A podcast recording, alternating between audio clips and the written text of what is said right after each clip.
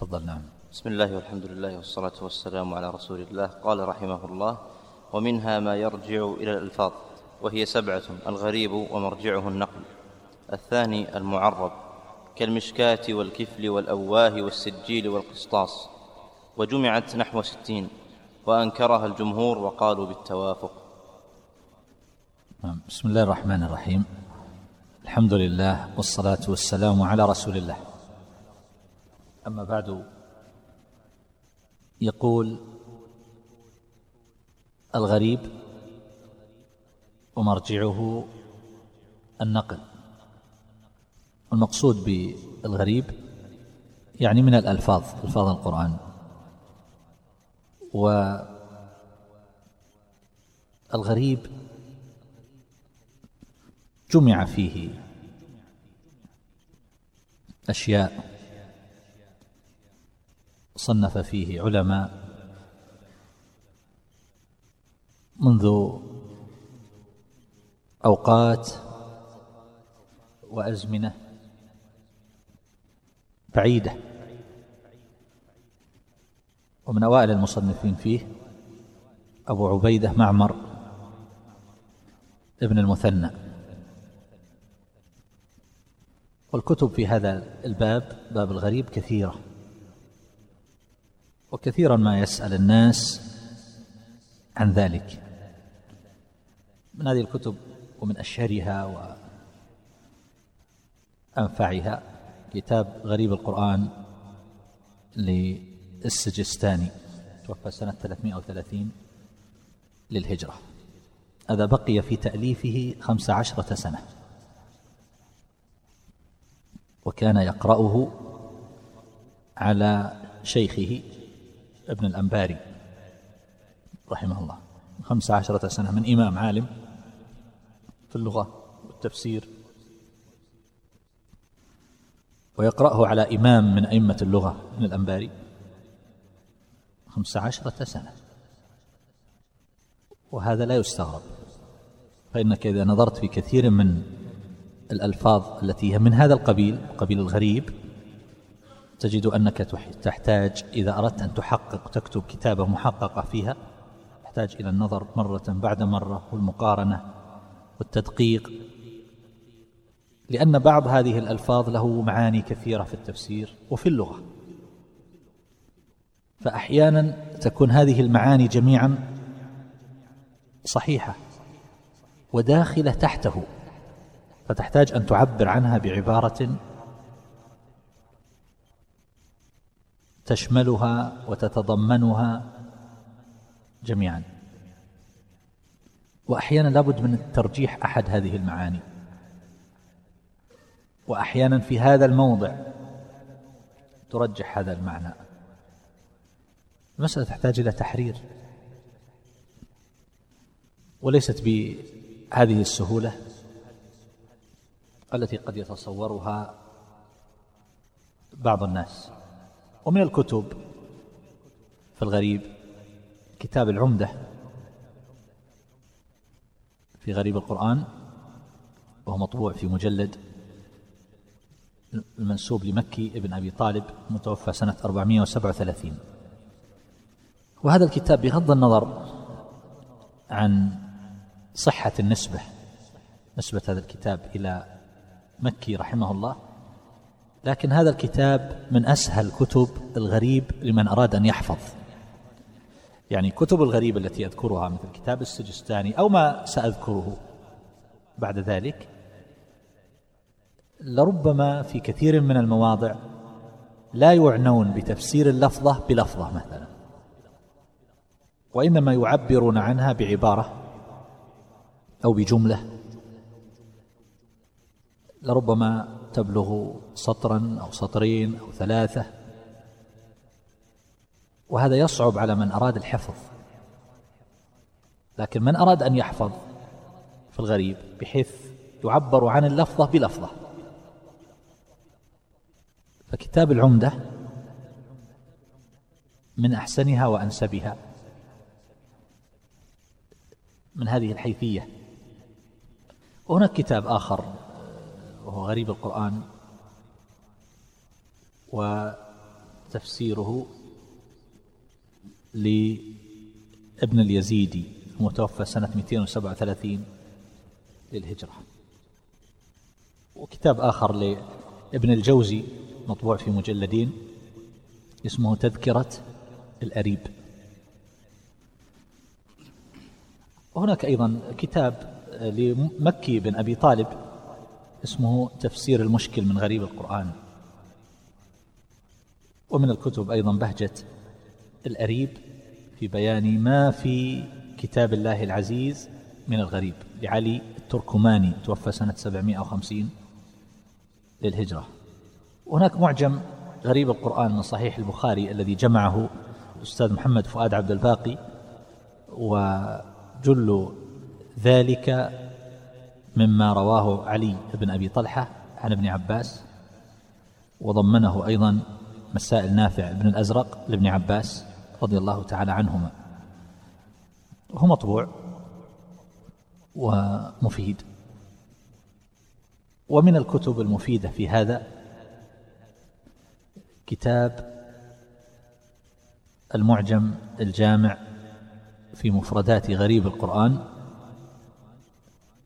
الذي جمعه الأستاذ عبد العزيز السيروان في مجلد.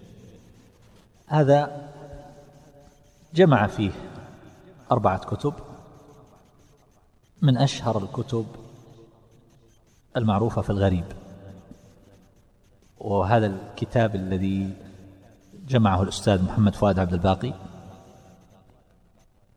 عن ابن عباس رضي الله عنهما. وكتاب ابن قتيبة تفسير المشكل. وأيضا كتاب مكي ابن أبي طالب اللي هو العمدة. وكتاب أبي حيان أيضا. فهذه أربعة كتب جمعها ورتبه على الحروف على حروف المعجم وجعل لكل كتاب رمزا. فصار يورد عند الكلمة الواحدة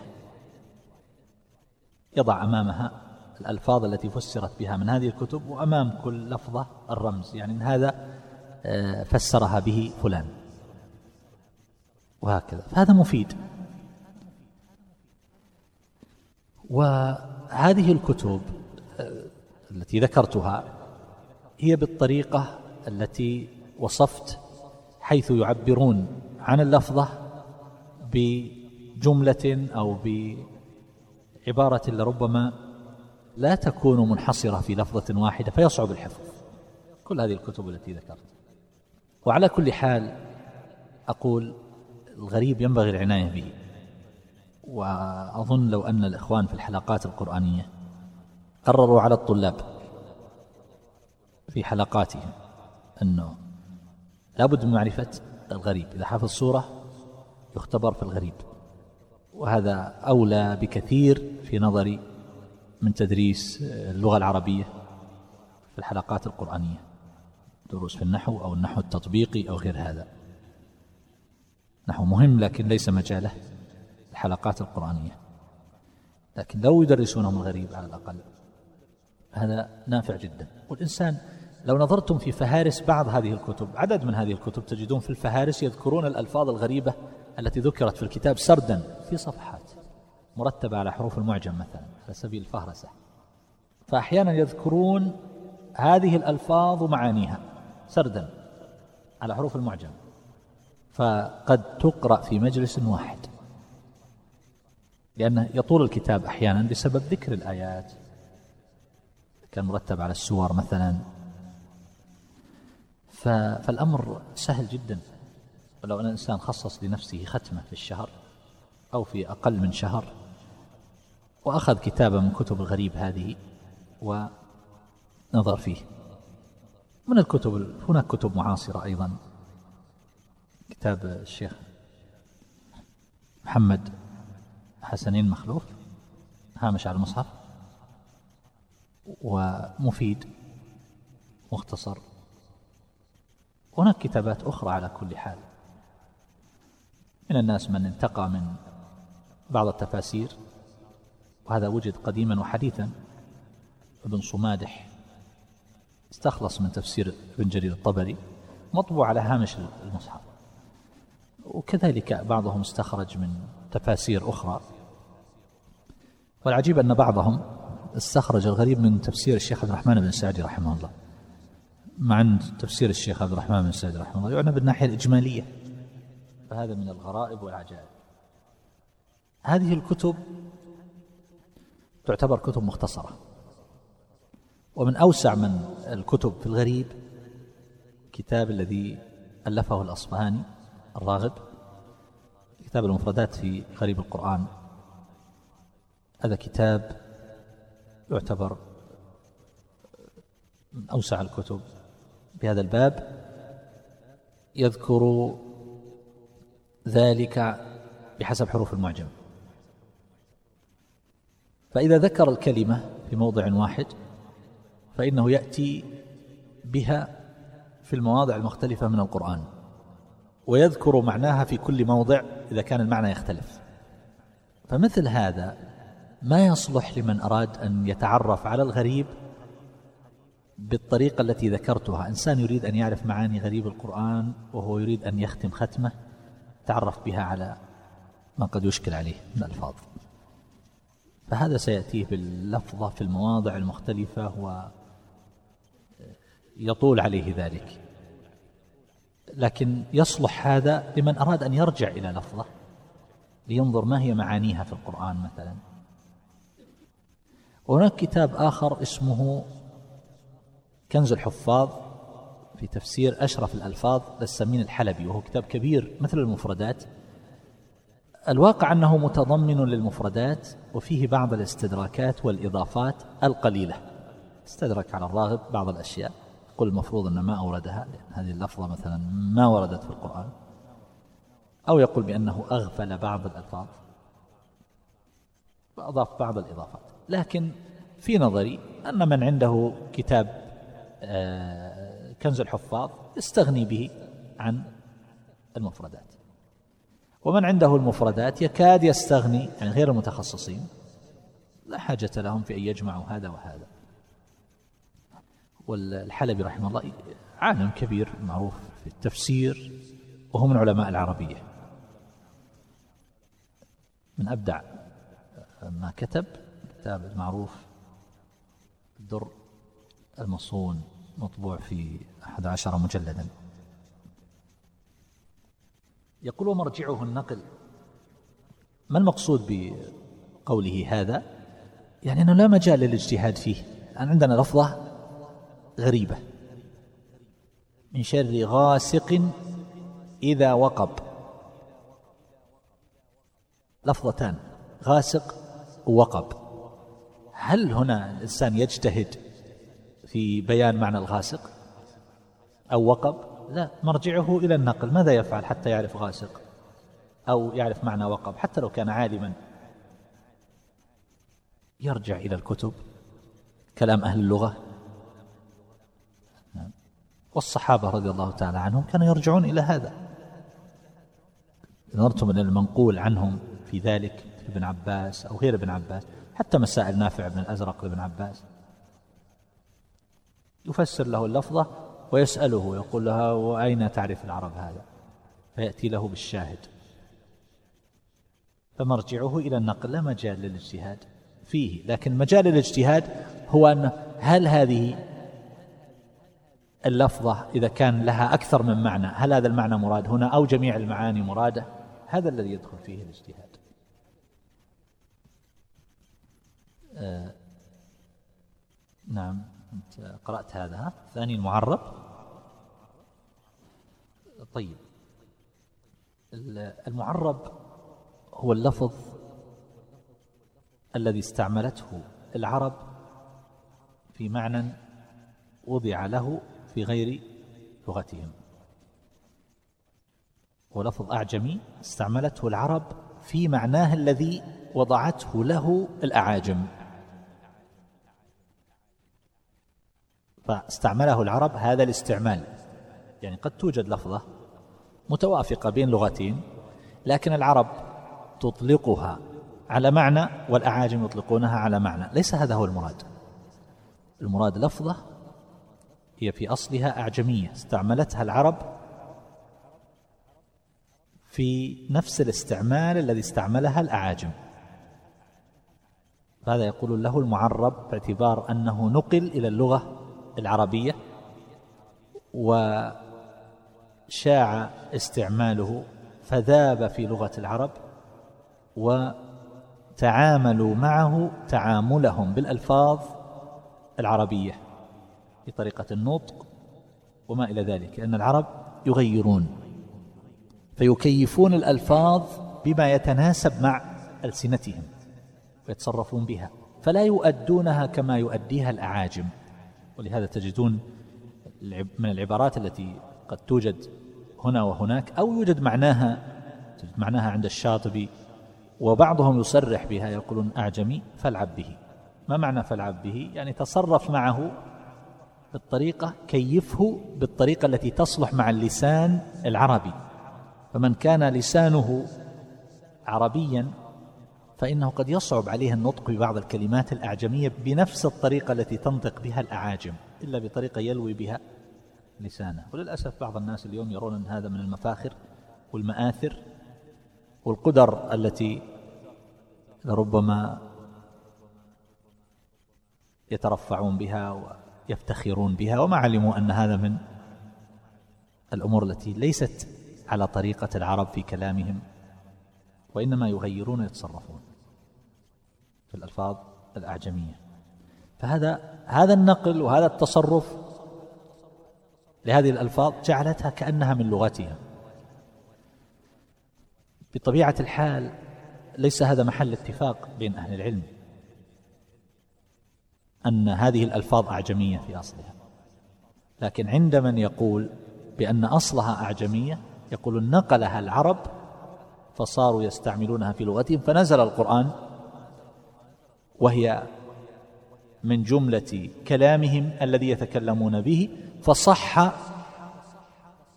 أن يقال بأن القرآن بلسان عربي مبين لأن ذلك من مذاب في لغتهم ودخل فيها ويقولون بأن الكلمات القليلة في الكلام الكثير لا تؤثر ولا تنقل الحكم من كونه عربيا إلى شيء آخر إلى أنه كلام أعجمي مثلا. كلمات قليلة والعبرة بالأكثر والأغلب.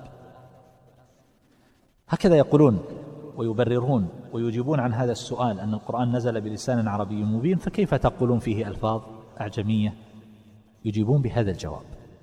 مع أن من أهل العلم الكبار مثل كبير المفسرين ابن جرير الطبري والإمام الشافعي وإمام اللغة وهو ابن فارس أحمد بن فارس. أمثال هؤلاء ينكرون وجود المعرب.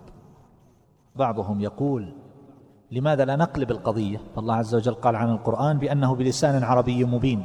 فهذا جزما. فلماذا لا نقول هذه ألفاظ عربية استعملتها العجم ونقلتها من اللغة العربية؟ لماذا نجعلهم الأصل؟ وما الدليل على أنهم هم تكلموا به أولا؟ والله يخبرنا عن القرآن بلسان عربي مبين. ليه هذه عربية وهم اللي أخذوها فهذا المعجم عندهم. وبعضهم يقول لا مانع من توارد اللغات فتستعمل تتفق في لفظة واحدة وتطلقها على معنى متحد.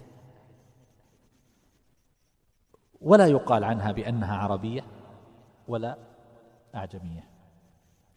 طبعا كلام في هذه القضية في نوع معين لأنهم يتفقون على شيئين. وإنما الخلاف في هذا النوع الثالث. هناك الأعلام. فالأعلام تنطق كما هي. لذلك جيت تقول خالد من الخطأ أنك تقول كالد. خالد. اسمي خالد. أو تقول أحمد. تتحول إلى أعجمي. الاسم ينطق كما هو تقول أحمد. وما عليهم إلا أن يتعلموا كيف ينطقون الحاء والخاء ولو, ولو لم تكن لها حروف عندهم في لغتهم. واضح؟ فهذا بالنسبة للأسماء تنطق كما هي. بصرف النظر يعني بعض أهل العلم يقول هذه الأسماء لا توصف أيضا بأنها أعجمية أو عربية وهذا قد لا يخلو من تكلف.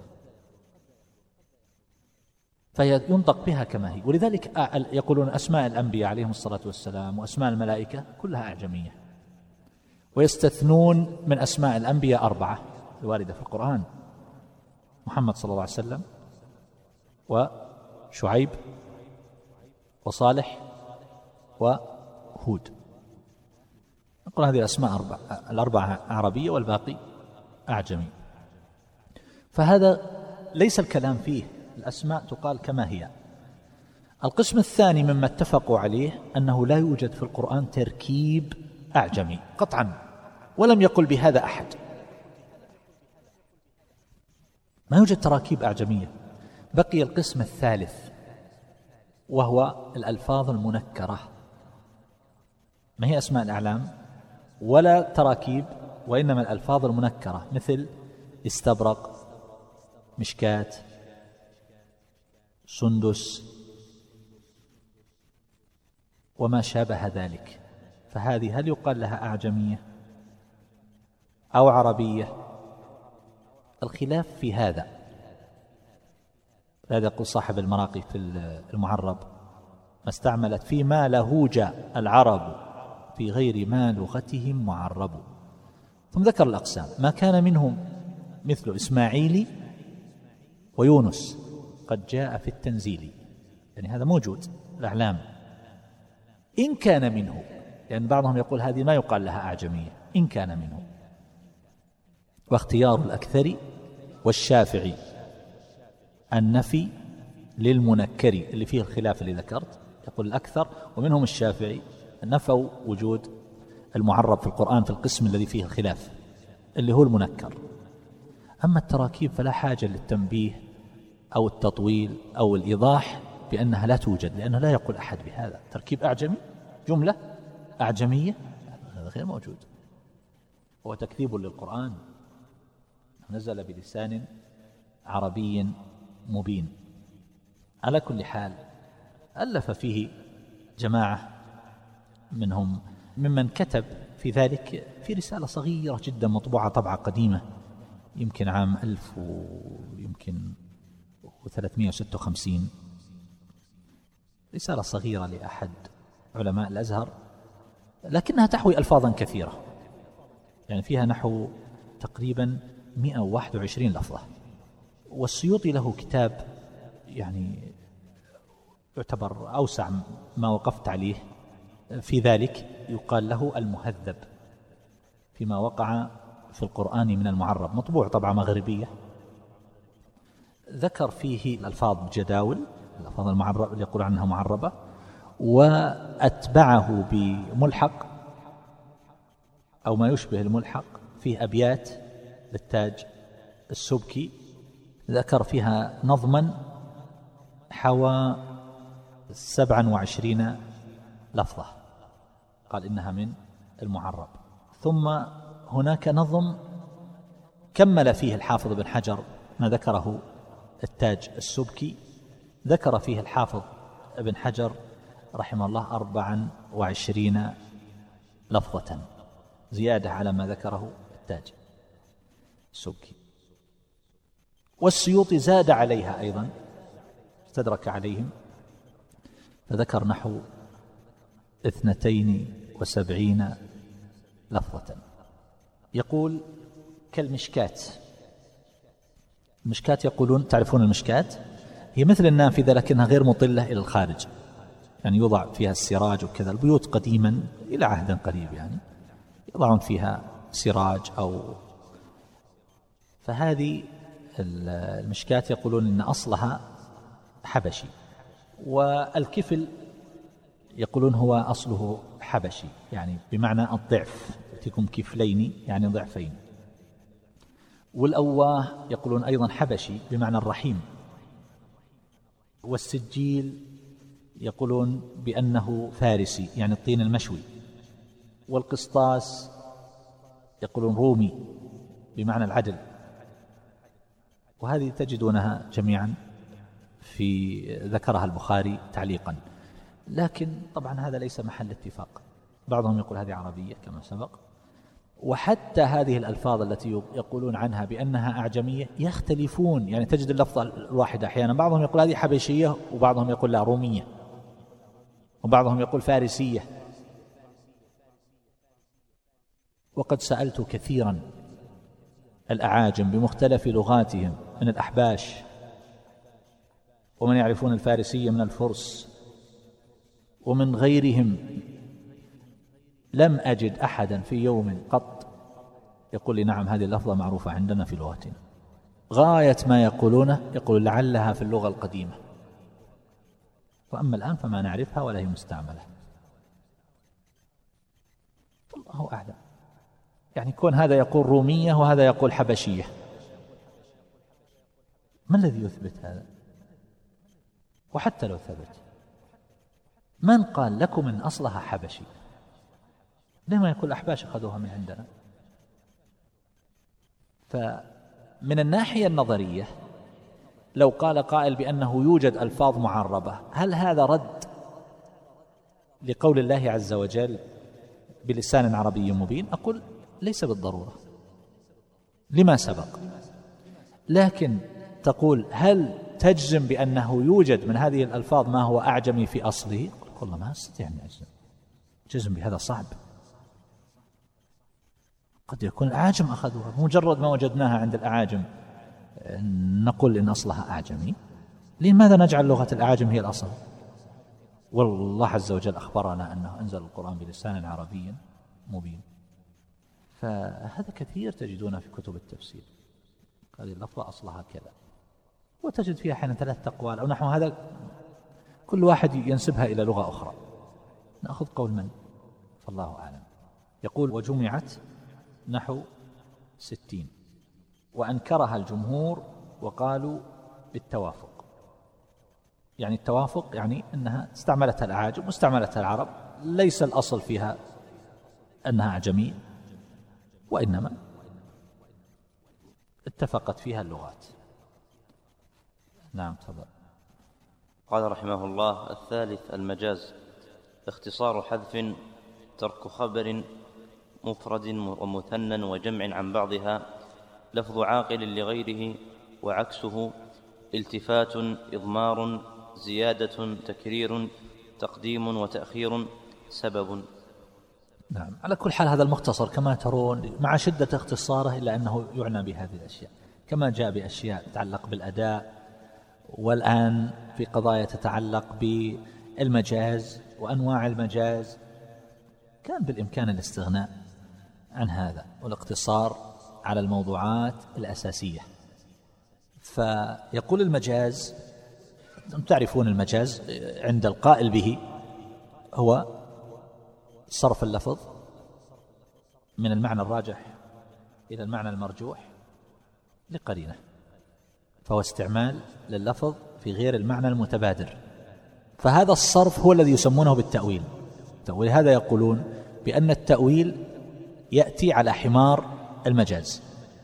ركب التأويل حمار المجاز ففعل فعله في النصوص. فالمتكلمون أول نصوص الصفات وما شابه والقرامطة والباطنية أول نصوص المعاد والحقائق الشرعية. فحصل بسبب ذلك فساد عريض. والعلماء رحمه الله مختلفون. هل المجاز موجود في لغة العرب أو غير موجود وإذا كان موجودا هل يوجد في القرآن أو لا؟ فبعضهم يقول غير موجود في لغة العرب لأن ذلك لا يعرف عنهم وإنما وجد في وقت متأخر. بعد القرون المفضلة على يد المعتزلة. فحرفوا فيه النصوص. وأما السلف فما كانوا يعرفون هذا وأن هذه استعمالات للعرب في الألفاظ يحدد المراد السياق ومقتضى الحال والقرائن. فيعرف مراد المتكلم فيتبادر ذلك إلى الذهن فهذا هو الحقيقة. أما القول بأن أصل هذه اللفظة كما يقولون في المجاز بأن اللفظة تستعمل في معنى غير المعنى الذي وضعت له ابتداء فيقولون من قال إنها وضعت ابتداء لهذا؟ فشيخ الإسلام ابن تيمية رحمه الله وابن القيم ينكرون المجاز أصلا يقولون ما هو موجود في لغة العرب. وتكلم عليه شيخ الإسلام في كتابه الإيمان الكبير وله رسالة في هذا رسالة المدنية أيضا. وابن القيم أطال فيه وسماه طاغوتا بكتاب الصواعق المرسلة وأبطله من وجوه كثيرة عشرات الوجوه. ورد على القائلين به. والشنقيطي رحمه الله له رسالة نفيسة في هذا. مطبوعة في بعض طبعات أضواء البيان في آخره مطبوعة مستقلة. اسمها منع جواز المجاز في المنزل للتعبد والإعجاز. وأكثر ما يستدل به المانعون للمجاز هو أن المجاز يصح نفيه. فإذا قلت رأيت أسدا يقاتل الأعداء تقصد الرجل الشجاع فلقائل أن يقول هذا ليس بأسد هذا رجل. يصح نفيه. فتضطر أن تقول له أنا قصدت أبين أن أبين شجاعته وإلا صحيح هو رجل. وليس بأسد. يقولون لأن كلمة أسد وضعت ابتداء للحيوان المعروف المفترس. لكن لوجود هذا الرابط اللي هو الشجاعة أطلقت على هذا الرجل الشجاع الأسد يعني أطلقته على غير ما وضع له لهذه العلاقة. فيقولون إذا كان الأمر كذلك أن المجاز يصح نفيه فالقرآن لا يوجد فيه شيء يصح نفيه فإذا قال الله عز وجل واسأل القرية ما يمكن لأحد أن يقول قرية ما تسأل واضح؟ فيقولون هذا تكذيب للقرآن. والذين يقولون بالمجاز يقول القرآن نزل بلغة العرب وفي لغة العرب المجاز. وهذا من البلاغة والفصاحة والتوسع في الاستعمالات ولا مانع منه ولا يترتب عليه مثل هذا. وبعض الناس يقول الخلاف لفظي. والذين يقولون بأن بمنع بالمنع من المجاز يقولون لا الخلاف ليس بلفظي بل القضية التي يقفون عندها ويصرون عليها يقولون لا يوجد في القرآن شيء يصح نفيه وأنتم تقررون أن المجاز يصح نفيه وتتفقون على هذا. وعلى كل حال من أثبت المجاز فإنه لا يعني ذلك القدح في عقيدته فقد أثبته كثير من أهل السنة. بل أكثرهم. ولكن لا يسلط. على النصوص بحيث يعمل فيها التأويل فتحرف عن حقائقها أو عن مراد الله عز وجل فيها بهذا الشرط. ولا أقصد بهذا أني أقول أن المجاز موجود وصحيح لكن أقصد من قال بهذا؟ فلا يقال أنه, أنه جاء بمنكر من القول وبانحراف و... لا. لكن حينما قال بالمجاز هل حرف فيه النصوص ولا لا؟ ولهذا بعض من يقول به يقولون نقول بالمجاز موجود في القرآن لكن ليس موجودا بنصوص الصفات مثلا. هكذا يقولون ومن أهل العلم من أثبته في اللغة ولم يثبته في القرآن. وقد يقول قائل أليس كل ما ثبت في اللغة ثبت في القرآن؟ بعضهم يقول لا. يوجد في اللغة العربية أشياء لكنها غير مناسبة غير لائقة في القرآن الكريم. فمثلا يقول لك القرآن لا يوجد فيه مجاز لأنه يصح نفيه فإن جاز في اللغة فإنه لا يجوز في القرآن. هكذا بعضهم يقول. وهكذا اختلفوا في أشياء مثل المشترك والمترادف. هل هي موجودة في القرآن مع أنها موجودة؟ في لغة العرب على خلاف في الترادف. حتى القائل بوجود الترادف في اللغة بعضهم منعه كما سيأتي في القرآن. والسبب أنهم يقولون أن تكثير الألفاظ الدالة على معنى واحد هذا يحتاج إليه الناس الضعفاء حيث يغيب عنهم التعبير بلفظة فيحتاجون إلى لفظة أخرى والله عز وجل مستغن عن ذلك فلا يوجد مترادف. وهذا لا يخلو من إشكال. على كل حال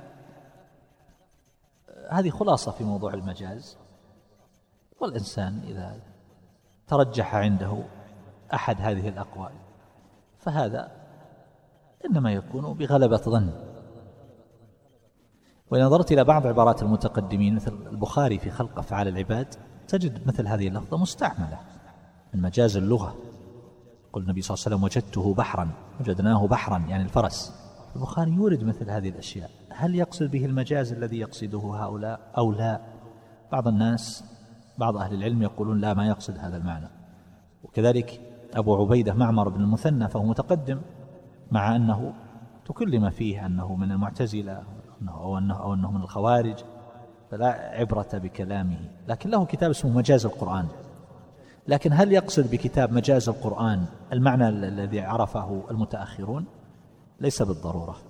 يعني أن هذا مما يسوغ في القرآن مما يجوز في القرآن هذا اللي يقصد. لكن بعض الألفاظ آه، وردت جاءت في كلام بعض المتقدمين مثل البخاري. يقول اختصار حذف. يعني الآن ذكر نوعين وهما متقاربان مجاز الحذف أو مجاز الاختصار. فيحذف لفظة يعني كما يقول ابن جرير رحمه الله بأن العرب تستغني عن بعض الكلام ثقة بفهم السامع أو المخاطب. فيختصرون في الكلام لا داعي للتطويل إذا كان المعنى مفهوم. فالله عز وجل يقول فمن كان منكم مريضا أو على سفر فعدة من أيام أخر. هل يفهم من هذه الآية أن من كان مسافرا يجب عليه أن يقضي ولو صام لا يصح صومه كما ينقل عن بعض الظاهرية؟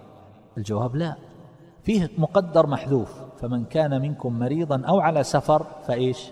فأفطر فعدة. وهذا يقتضيه الشرع هذا التقدير. لأنه ما يترتب الحكم فعدة من أيام أخر إلا إذا أفطر. فهذا له تعلق بجانب آخر اسمه دلالة الاقتضاء عند الأصوليين. فالاقتضاء أحيانا يكون شرعي. يعني الذي يطلب التقدير هذا هو الشرع. فلا بد من تقدير هذه حتى نرتب عليه. وجوب القضاء فأفطر. وأحيانا يكون الاقتضاء لغوي وأحيانا يكون عقلي وأحيانا يكون عادي يعني مجاري العادات. المهم وقال الذي نجا منهما وادكر بعد أمة أنا أنبئكم بتأويله. فأرسلون يوسف أيها الصديق أفتنا. إيش التقدير؟ فأرسلون يوسف أيها الصديق. في مقدر. السامع مباشرة يفهم أنه إيش؟ لا يا أخي ما هو فقال فقال ممكن أيضا في شيء آخر. ها؟ فأرسلوه. هو قال فأرسلون. ثم قال يوسف المشهد بسرعة انتقل من حضرة الملك ومجلسه إلى المخاطبة في السجن. معناها أنه فأرسلوه فذهب. لكن هذا التطويل ما له حاجة. أن يقول الله عز وجل فأرسلون فأرسلوه فذهب إلى السجن وقال يا يوسف أفتنا في لا فيحدث يختصر. ثقة بفهم السامع أو المخاطب. وهكذا يقول اختصار حذف ترك خبر ترك خبر.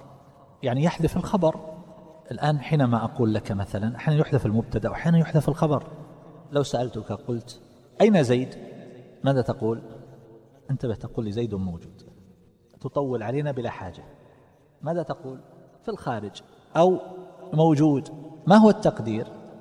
زيد موجود. فحذفنا المبتدا. لماذا حذفنا؟ ليه؟ لماذا لم تأتي بالكلام تاما؟ زيد موجود. حتى لا تثقل على السامعين. فحذف هذا من الاختصار. العرب تحذف هذه الأشياء. وفي جواب كيف زيد؟ قل دنف. فزيد استغني عنه إذ عرف. قل زيد دنف يعني مريض متعب. فزيد استغني عنه إذ عرف. ما تحتاج أن تقول زيد دنف. جوابي كيف زيد؟ مباشرة تقول دنف. فاستغنيت عن زيد. زيد لنف إذ عرف لأنه معروف. وهو من محاسن اللغة. يقول ترك خبر. فيترك أحيانا مبتدأ وأحيانا يترك الخبر. في قوله تبارك وتعالى مثلا فصبر جميل. بعضهم يقول صبري صبر جميل فيكون محذوف المبتدا. وبعضهم يقول صبر جميل صبري المحذوف الخبر وهما قولان للمعربين. واضح؟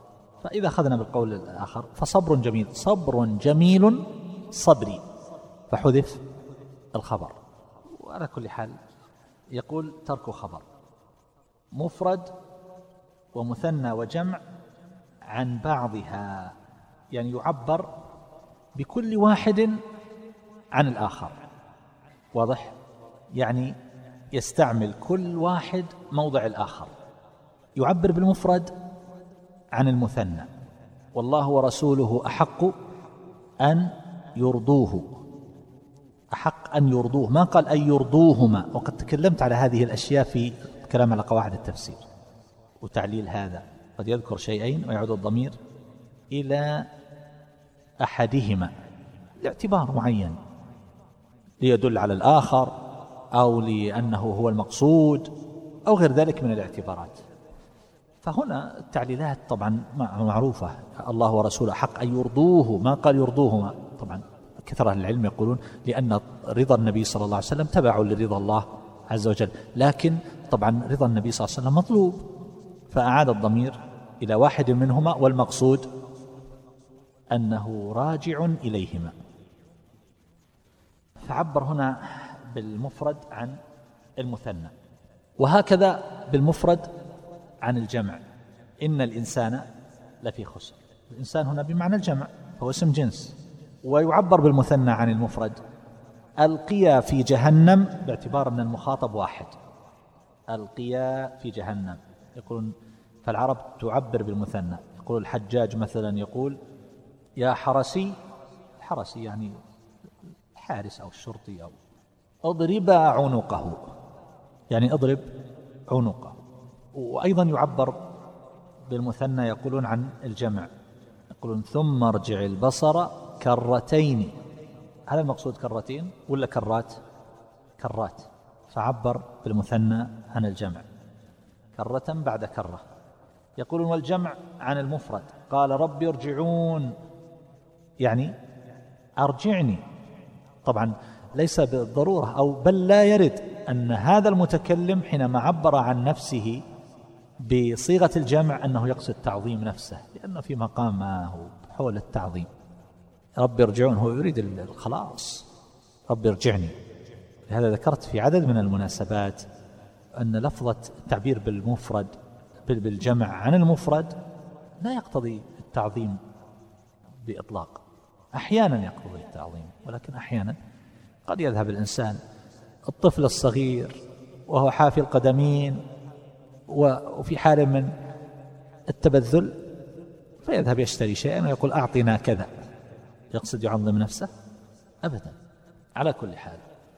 وكذلك أيضا يعبر بالجمع عن المثنى في قوله فإن كان له إخوة فلأمه السدس. هذا حجب النقصان. فلأمه السدس. إن كان له إخوة. والأم تحجب هذا الحجب بوجود كم أخ؟ باثنين. واضح؟ باثنين. فقال إن كان له إخوة فلأمه السدس. الحج أشهر معلومات. على القول بأنهما شهران وعشرة أيام. وبعضهم يقول جبر الكسر ومن أراد أن يناقش ويجادل فلن يعجز. فيها الأمثلة التي نذكرها من أولها إلى آخرها. على كل حال المقصود التوضيح والشأن لا يعترض المثال إذ قد كفى الفرض والاحتمال. وإلا من أهل فإن من أهل العلم من يقول أصلا بأن أقل الجمع اثنان. وبالتالي فإن التعبير هنا عن المثنى بالجمع لأن أقل الجمع اثنان. فيقول هذا تعبير على حاله وأصله. لهذا يقول في المراقي أقل معنى الجمع في المشتهر اثنان عند الإمام الحميري يعني الإمام مالك رحمه الله. هذا من أراد أن يناقش. له أن يقول هذا. ويحتج بالآية السابقة. يقول لفظ عاقل لغيره. يعني استعمل الصيغ التي تستعمل للعقلاء قد تستعمل لغير العاقل لاعتبار معين. ولذلك ذكرت في القواعد بأنه بأن الخطاب يرد في القرآن أحيانا مراعا فيه حال المخاطب. يعني قد يرد على اعتقاد المخاطب. وإن كان المتكلم لا يقر بذلك. لكن راعى المخاطب بحسب اعتقاده. وقد ترد مثل هذه الأشياء يستعمل العاقل غير يعبر عن غير العاقل بصيغ تختص بالعقلاء لأنه أضاف إليه شيئا من أوصاف العقلاء. يعني انظروا مثلا في قوله تبارك وتعالى والشمس والقمر رأيتهم لي ساجدين. الآن الضمير رأيتهم هذا يستعمل للعقلاء غير العقلاء ماذا يقال؟ يقول والشمس والقمر رأيتها لي ساجدة. لاحظ رأيتها. وساجدين هذه الصيغة في الجمع للعقلاء. غير العقلاء يقال ساجدة. تقول الناس في المسجد رأيت الناس قائمين وراكعين وساجدين. لكن تقول رأيت الأشجار قائمة. ما تقول رأيت الأشجار قائمين أو قائمات؟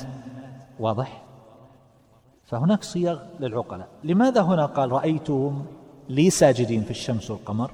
لأنه أضاف إليها فعل فعلا من أفعال العقلاء وهو السجود. فناسب أن يعبر عنها بما يعبر به عن العقلاء. فقال رأيتهم وقال ساجدين. وهكذا الله حينما خاطب السماوات والأرض قال ائتيا طوعا أو كرها قالتا أتينا. ما قال طائعات؟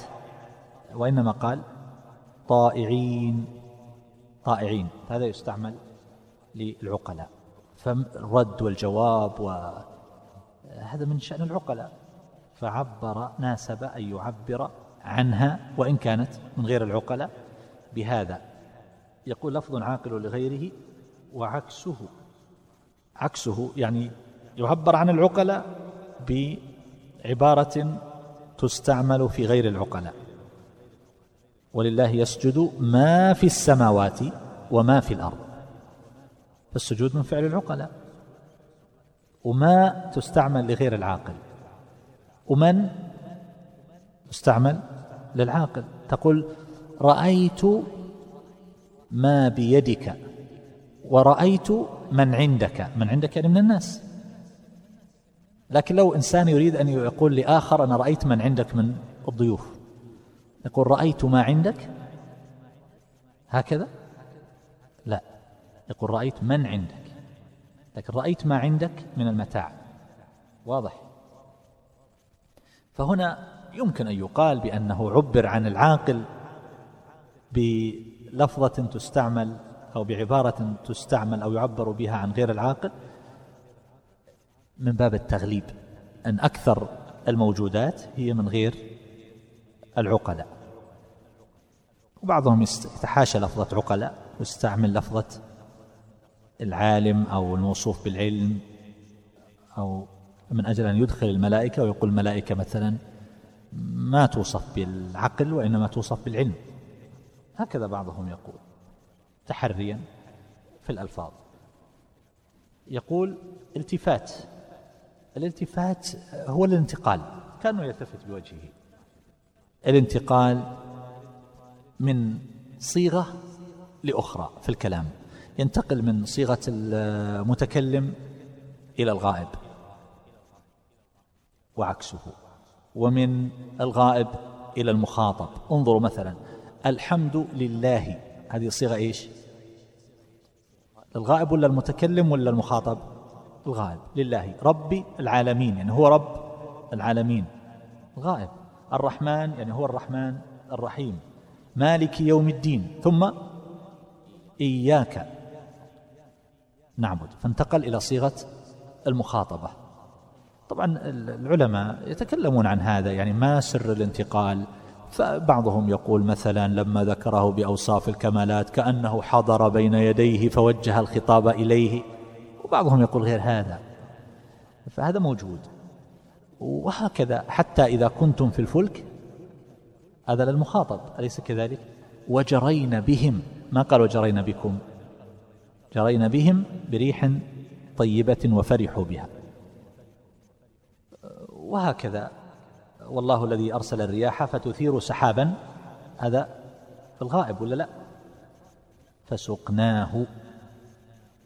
انتقل إلى التفت في الخطاب. فعبر بالمتكلم. فسقناه. فهذا موجود على كل حال. لكن هل هذا من المجاز؟ أو لا؟ السيوطي نفسه يقول إنه ليس من المجاز. طيب لماذا أورده هنا؟ يمكن أن يكون أورده لأنه لأنهم أوردوه وجعلوه من أنواع فأراد أن يذكره لكن لم ينبه عليه. لو قال وقيل الالتفات. فما يظهر أنه المجاز لأن هل هل هذا استعمال اللفظ في غير موضع له؟ عند القائل بالمجاز. ليس كذلك. يقول لفظ عاقل لغيره وعكسه التفات إضمار الإضمار هذا مثل الحذف السابق والاختصار وبعضهم يقسمه إلى أنواع كما أشرت في أول الكلام. يعني ما يتوقف عليه صحة اللفظ شرعا مثلا. كان منكم مريضا أو على سفر فأفطر فعدة من أيام أخر. وأحيانا يتوقف عليه صحة اللفظ أصلا باعتبار واسأل القرية مثلا يقول واسأل أهل القرية واسأل العير واسأل أهل العير. هكذا يقولون. طبعا الذين يمنعون من المجاز بعضهم يقول هذا استعمال عربي وليس بمجاز وبعضهم يزيد. ويقول ما المانع أن تسأل القرية؟ البنيان.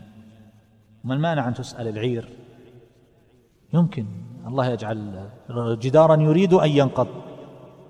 قال ما المانع أن يكون الجدار إرادة؟ والله أخبر أن الأشياء تسبح له وأنها ويعطيها إدراكا ويعطيها.